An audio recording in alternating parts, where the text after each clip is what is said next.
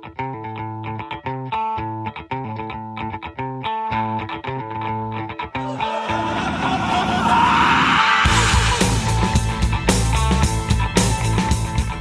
da er Filmfrelst i gang igjen.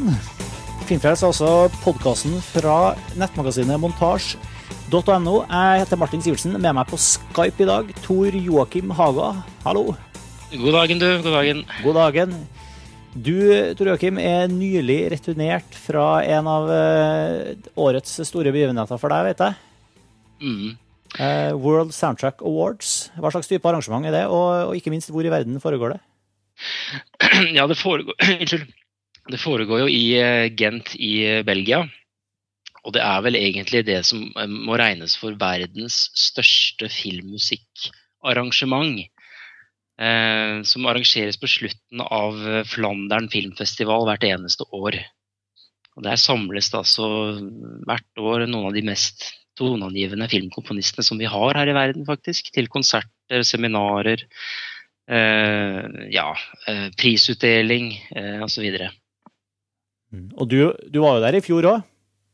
Var det i fjor òg. Da var det tiårsjubileum med en lang rekke store komponister som de hadde klart å samle sammen.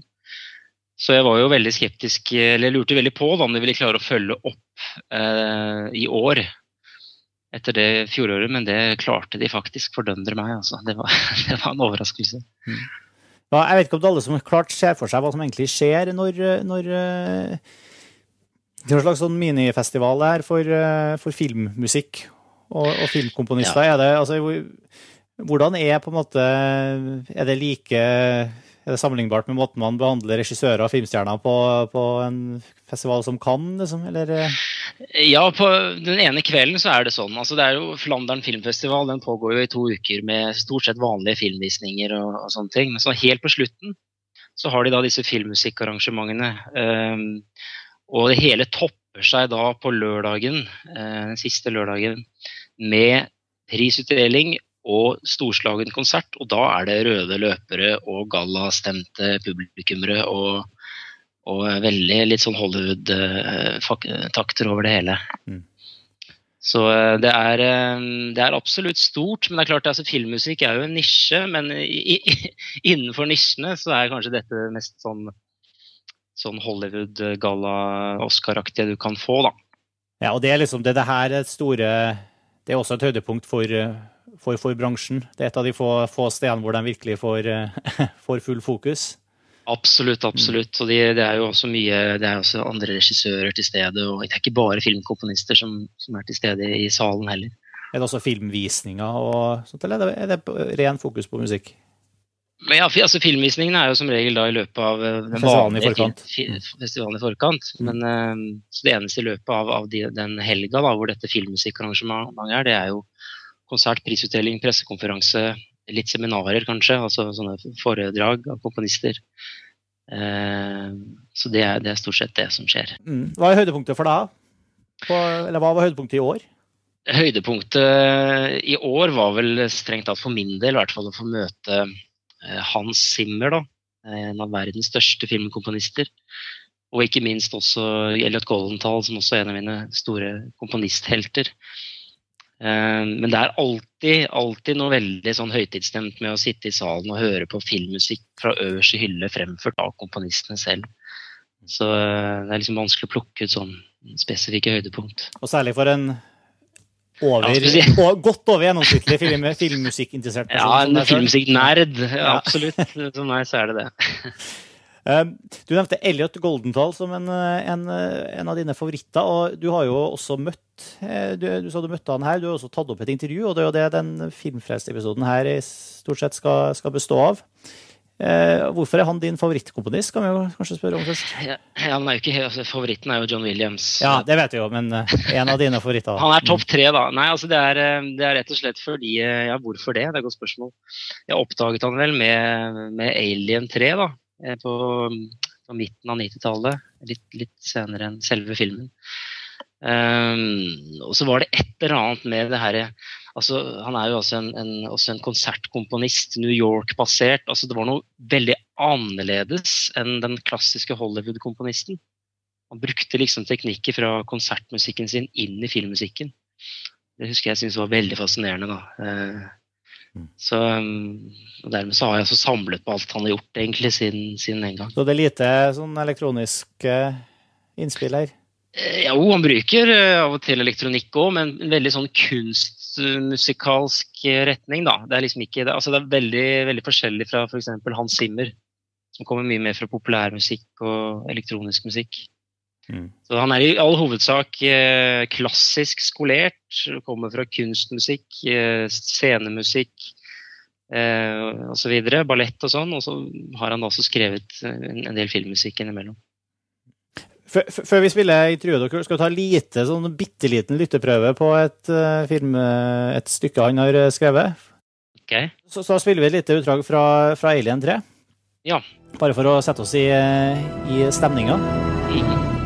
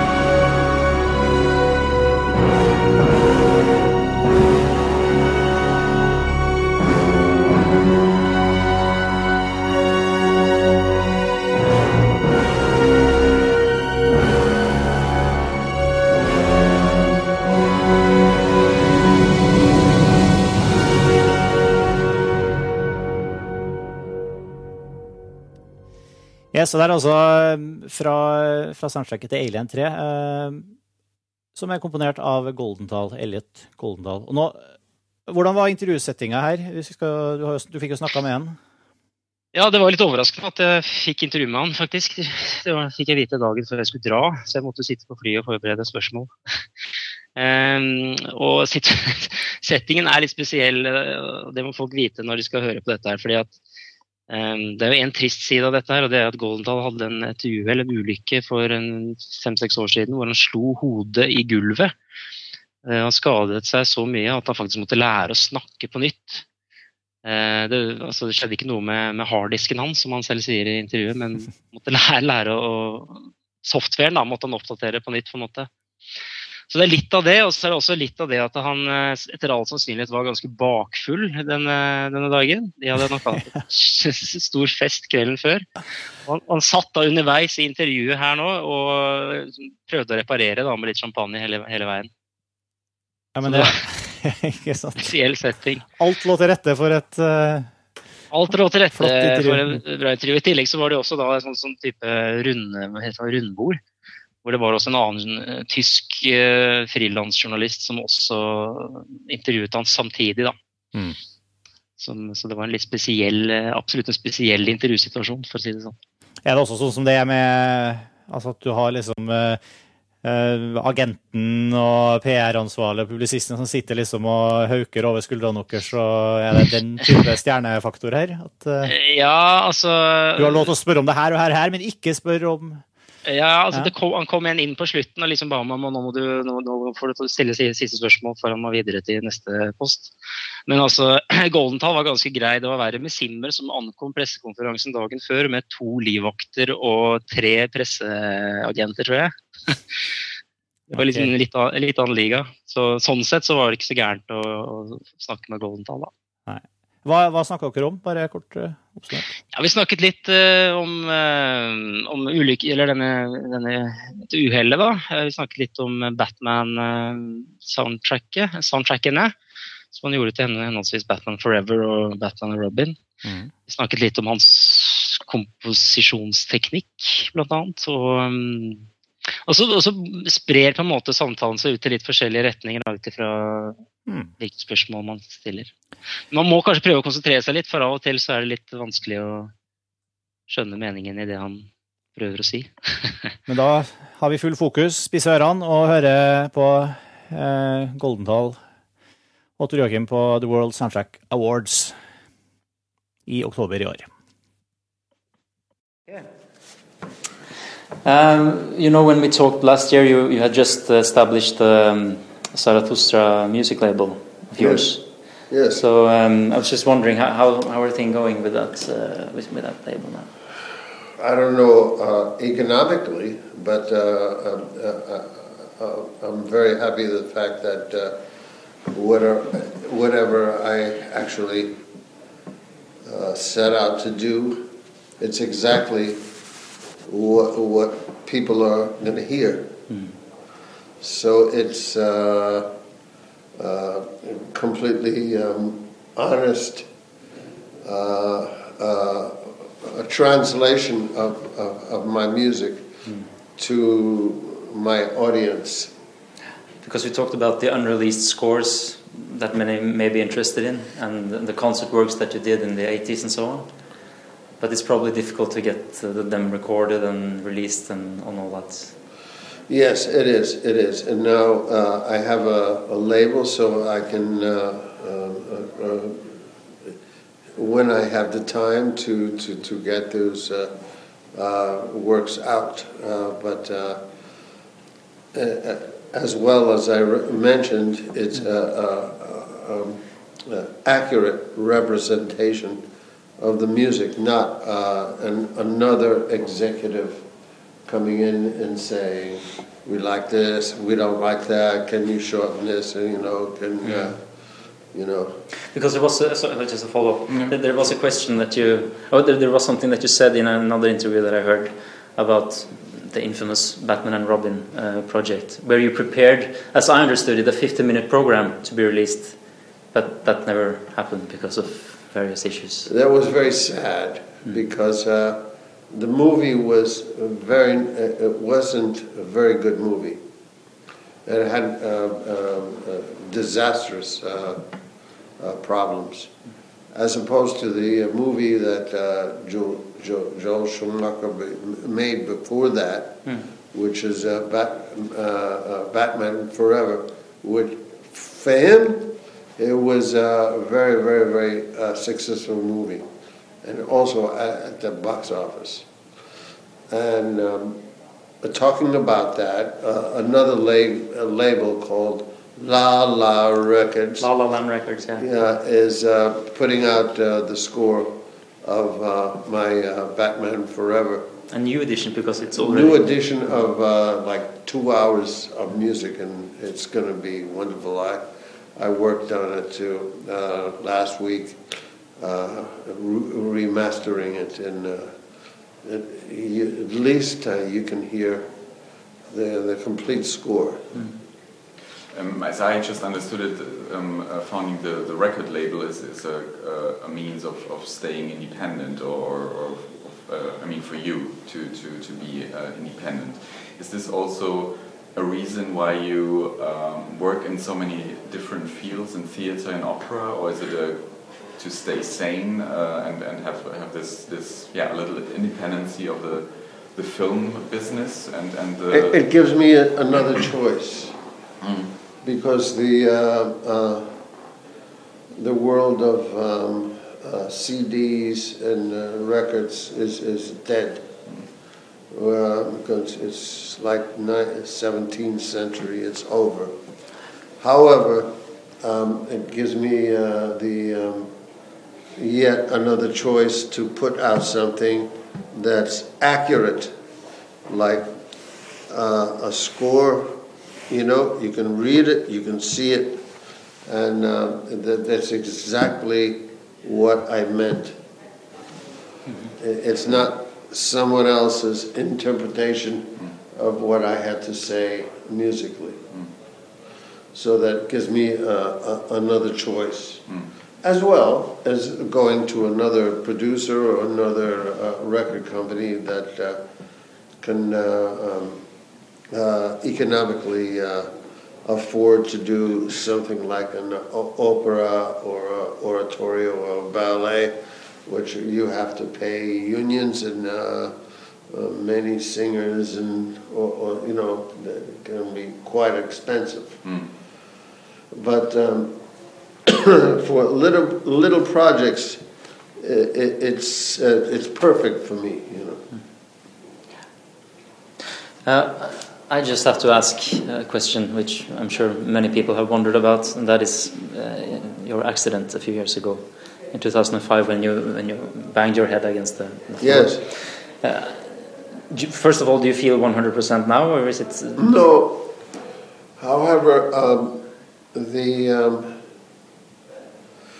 what I had to do with that accident was to um, the hard drive was unaffective, uh, unaffected. But I had to uh, build s- new software. So uh, a new uh, canals uh, to get from the hard drive to my mouth. To con- connections, yeah. Uh, but uh, nothing was damaged in terms of uh, uh, uh, intelligence or, uh, or uh, hopefully talent. Has it affected your energy in terms of producing more or less music, or is it? no, No. So, so as I understood it, it's, it was just about the speaking. It didn't affect uh, the, the, the, the, the language itself or, or the, the ability to, uh, to compose music. It was really just the- the, absolutely the not. mechanical. No, no, no. Okay. no. It actually helped mus- my music. because uh, it, um, it it limited my um, uh, ability to um, uh, elaborate too much. So so so uh, it, it uh, made me uh, more disciplined in terms of um, how to uh, what to write. Mhm. And, and then also, it, uh, on a negative uh, situation, uh, um, I don't uh, tell a joke as well as I used to. It's, it's So, so But but but you that, that, that yeah, works both ways, you know. both ways. You still you still have the energy to to, to compose and film scores, Energy, no, dance no, music. no, no, Oh no, no. of course, of course. Okay.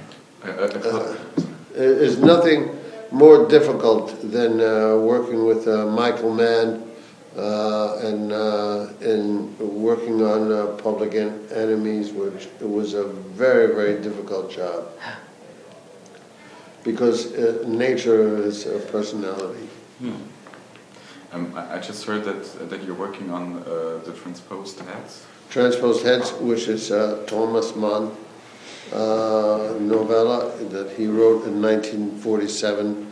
Uh, I just composed uh, 10 songs. It is going to be a, a, a musical, uh, you know, uh, but uh, very strange musical. Uh, and, uh, But I, but I read there was a, a theater play in 86. the theater play in the in the 1980s at Lin- Lincoln Center, but we threw it away completely. So it's but- completely new. It's, Completely, completely new. Why did you come back to the same? Because uh, the, the, I love the story. Mhm. It's a beautiful story. And you're A, a love triangle uh, with mystical uh, ramifications of uh, one girl and uh, one man with a perfect body and uh, a lot of charisma, and another boy with uh, uh, philosophical mind and, uh, and a great, great, great uh, thinker and uh, she goes back to India, and uh, she's gonna, uh, given the choice uh, to switch the heads on the bodies, to, and uh, how how the, uh, the what's the result Burlesque. after that? After that, what happens when she has the perfect man? You know.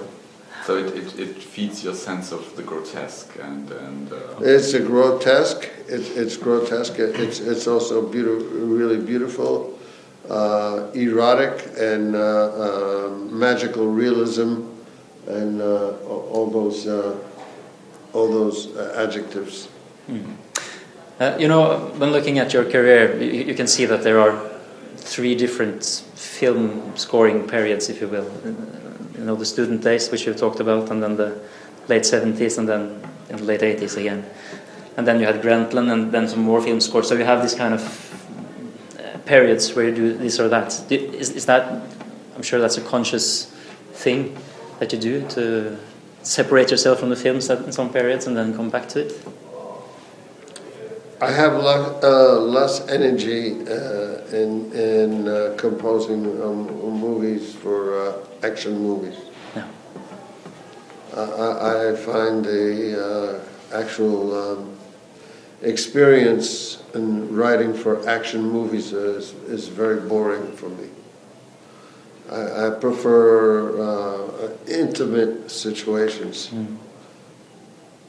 Is this also the reason why you've never composed a score for comedies? Did I? Maybe I have. Comedy for stage, you have probably done that. No, no comedies for stage, yes. Yeah. But not for film. I, I don't remember any any film comedy. That Co comedies. Demolition Man, isn't that a comedy? That's somewhat. Yeah. yeah, yeah, I think so.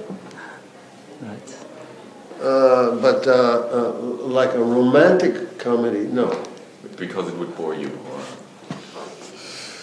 Uh, I don't know. I, I think the audience expects something more uh, common, mm. more, you know, mm. familiar. Yeah.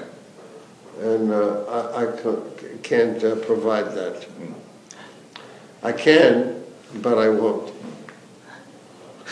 Yeah there is um, an interesting aspect of your compositional technique in which you use lots of clusters of sound, brass clusters, and so on. And, and Bernard Herrmann, he once said that it was easier to work with those kinds of small clusters than the big rational melodies.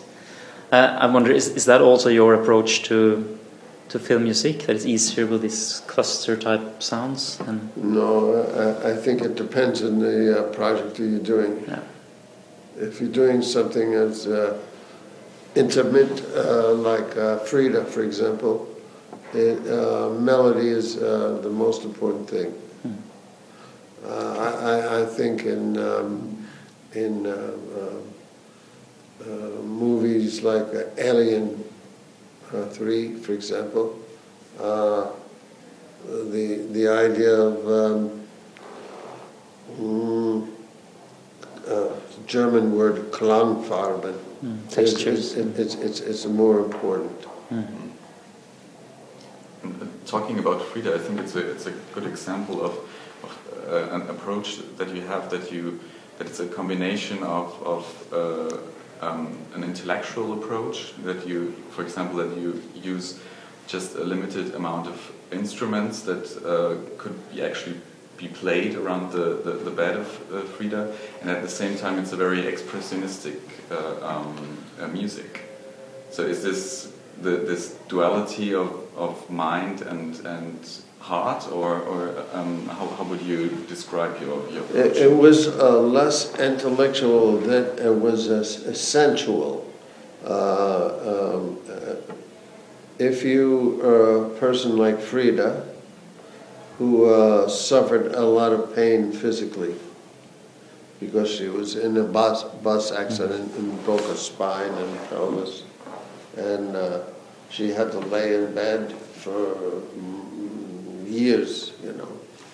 And uh, uh, I was thinking, you don't want an orchestra laying in bed with you. no, it's easier to have something like guitar, you know, just with you, uh, next to you, playing beautiful mm. melodies.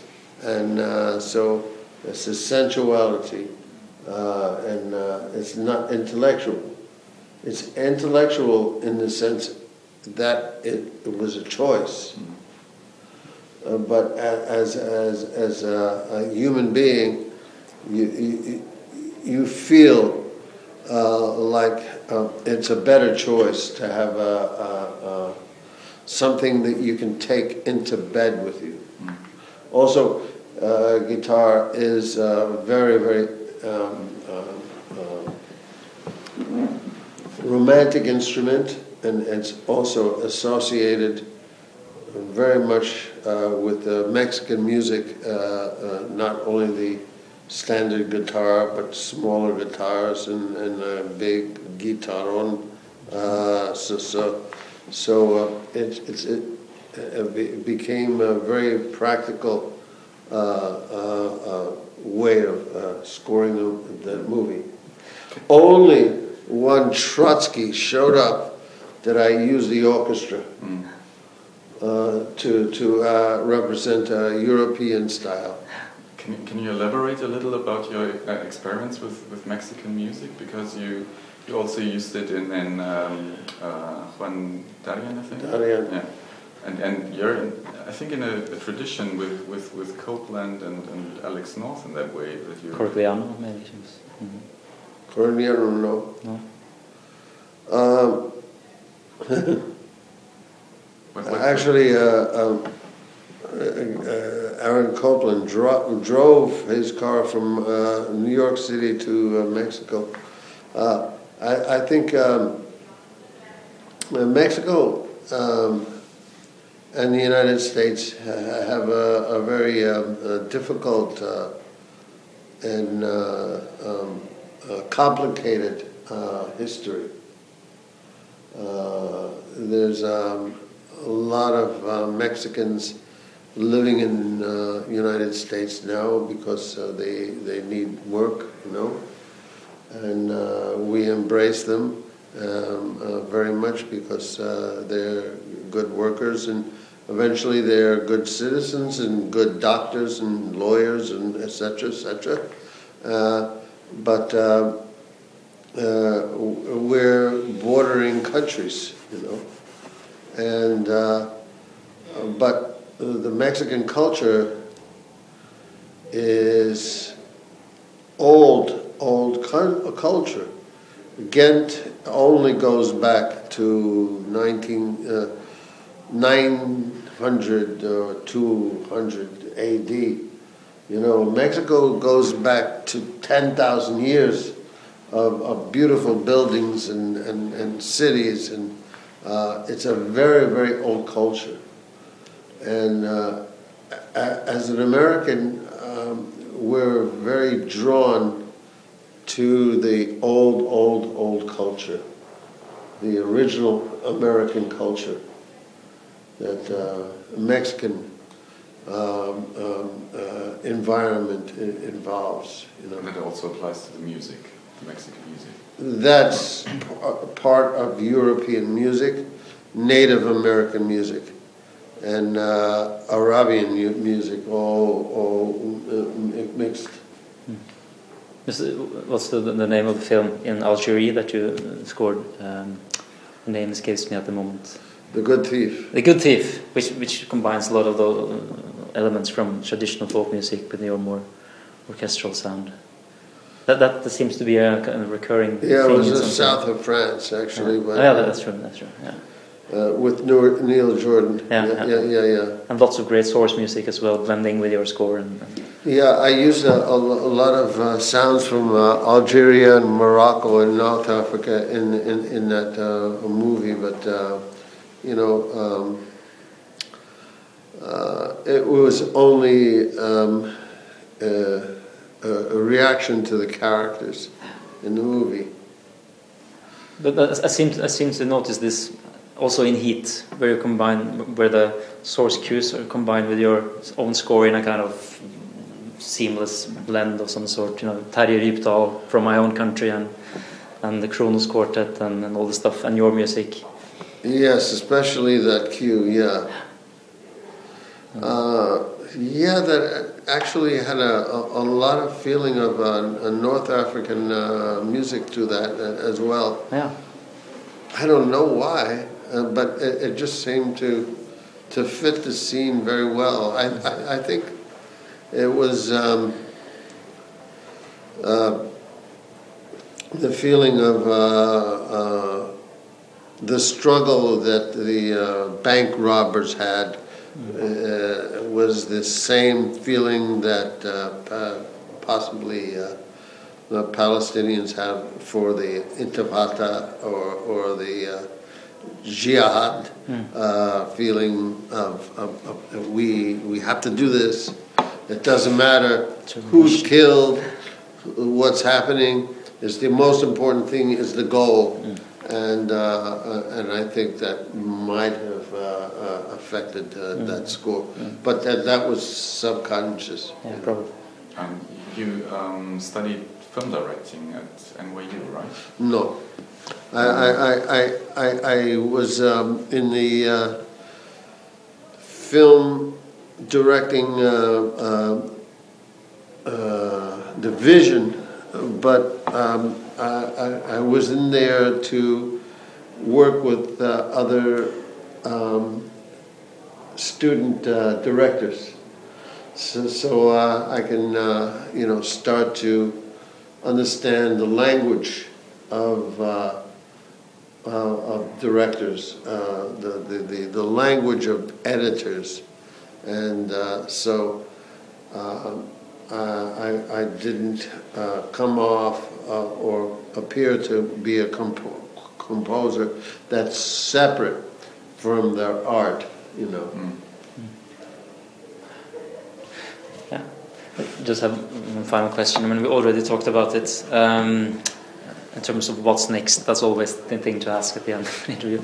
We talked about Transposed Heads, which is coming, and the Batman Forever uh, expansion thing. Is there anything else? Uh, Yeah, there's a, a song cycle I'm writing uh, from uh, for a string orchestra, uh, based on uh, seventh and eighth century uh, Chinese poetry.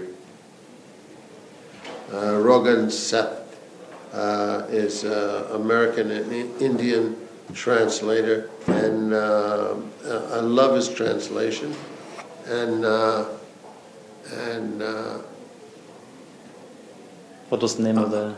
uh, the, the poetry, it, it, it has ver- various names in Chinese. Uh, however, uh, uh, I like the, I, my concept is uh, writing for a string orchestra with uh, just uh, harmonics, not uh, full string, ordinario uh, type of playing.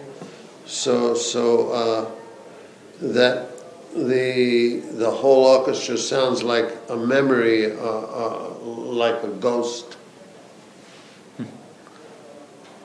And uh, Transposed Head, is it already, do you know I have where uh, it's I have uh, ten songs uh, composed, and it's uh, you know personal, uh, you know songs. Uh, it will be a, a musical. But there's there's no date yet when it's going to be No date, no date.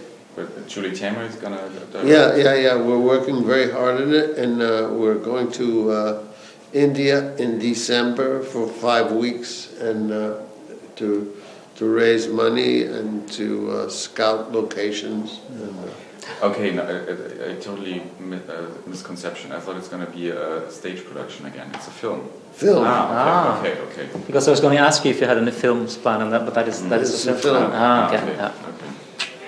Great. Great. Looking forward. Thank you. Thank you so much. Thank you. Yeah, likewise. Thank you. Thank very you. You. Og der endte også intervjuet ditt uh, med Elliot Goldenhall. Litt spesiell avslutning der. hvor Han også da, ja. Grunnen til at jeg sier takk så mye, er at han altså gir meg en eh, promo-CD da, eh, som jeg skal, av den siste filmen hans, 'The Tempest'. Bare så Ja. Har du fått rukka å sett den? Jeg har sett den og hørt den og liker den meget godt. Vi kan ta og spille et klipp til eh, fra, fra en Goldendal-komposisjon. I- Som en slags avslutning eh, til, til episoden her. Før vi gjør det, så skal vi bare mm, si at eh, neste episode av Filmfrelst skal handle om eh, Steven Soderberg. Hans filmografi. Han har en, en film som er kinoaktuell nå, som heter Contagion. Så den skal vi selvfølgelig prate om. Men vi skal også gå gjennom eh, eh, vårt, vi som er med i podkasten, sitt forhold til Steven Soderberg og filmene hans, og snakke litt om, om det. Og da, vi tar veldig, veldig gjerne imot innspill fra dere som uh, hører på. Uh, om Steven Soderberg, f.eks. Om Contagion, hvis dere har sett den. Send oss uh, mail til filmfrelst.montasj.no. Send oss gjerne spørsmål eller innspill eller hva som er deres favoritt-Steven Soderberg-film, og hvorfor. og det er også mulig å sende lydklipp hvis dere vil vi skal spille av en, en, en lydfil av, av, dere selv som, som kommer med et innspill eller noe sånt på podkasten, så gjør vi gjerne det. Ehm, så det er altså neste episode. Men eh, før vi runder av her, Tor Joakim, eh, et eh, siste klipp fra Elliot Goldendal. Hva er det vi skal høre nå? Nå skal vi, I og med at han liksom bevegde seg litt inn på Batman-filmen i intervjuet, så tenkte vi det var passende å avslutte med et uh, lite klipp, nemlig altså hovedtemaet fra Batman Forever. En stor, stor film. En stor film. på mange måter. da hører vi litt fra Batman Forever. Takk for nå, Tor Joakim. Jo, takk skal du ha.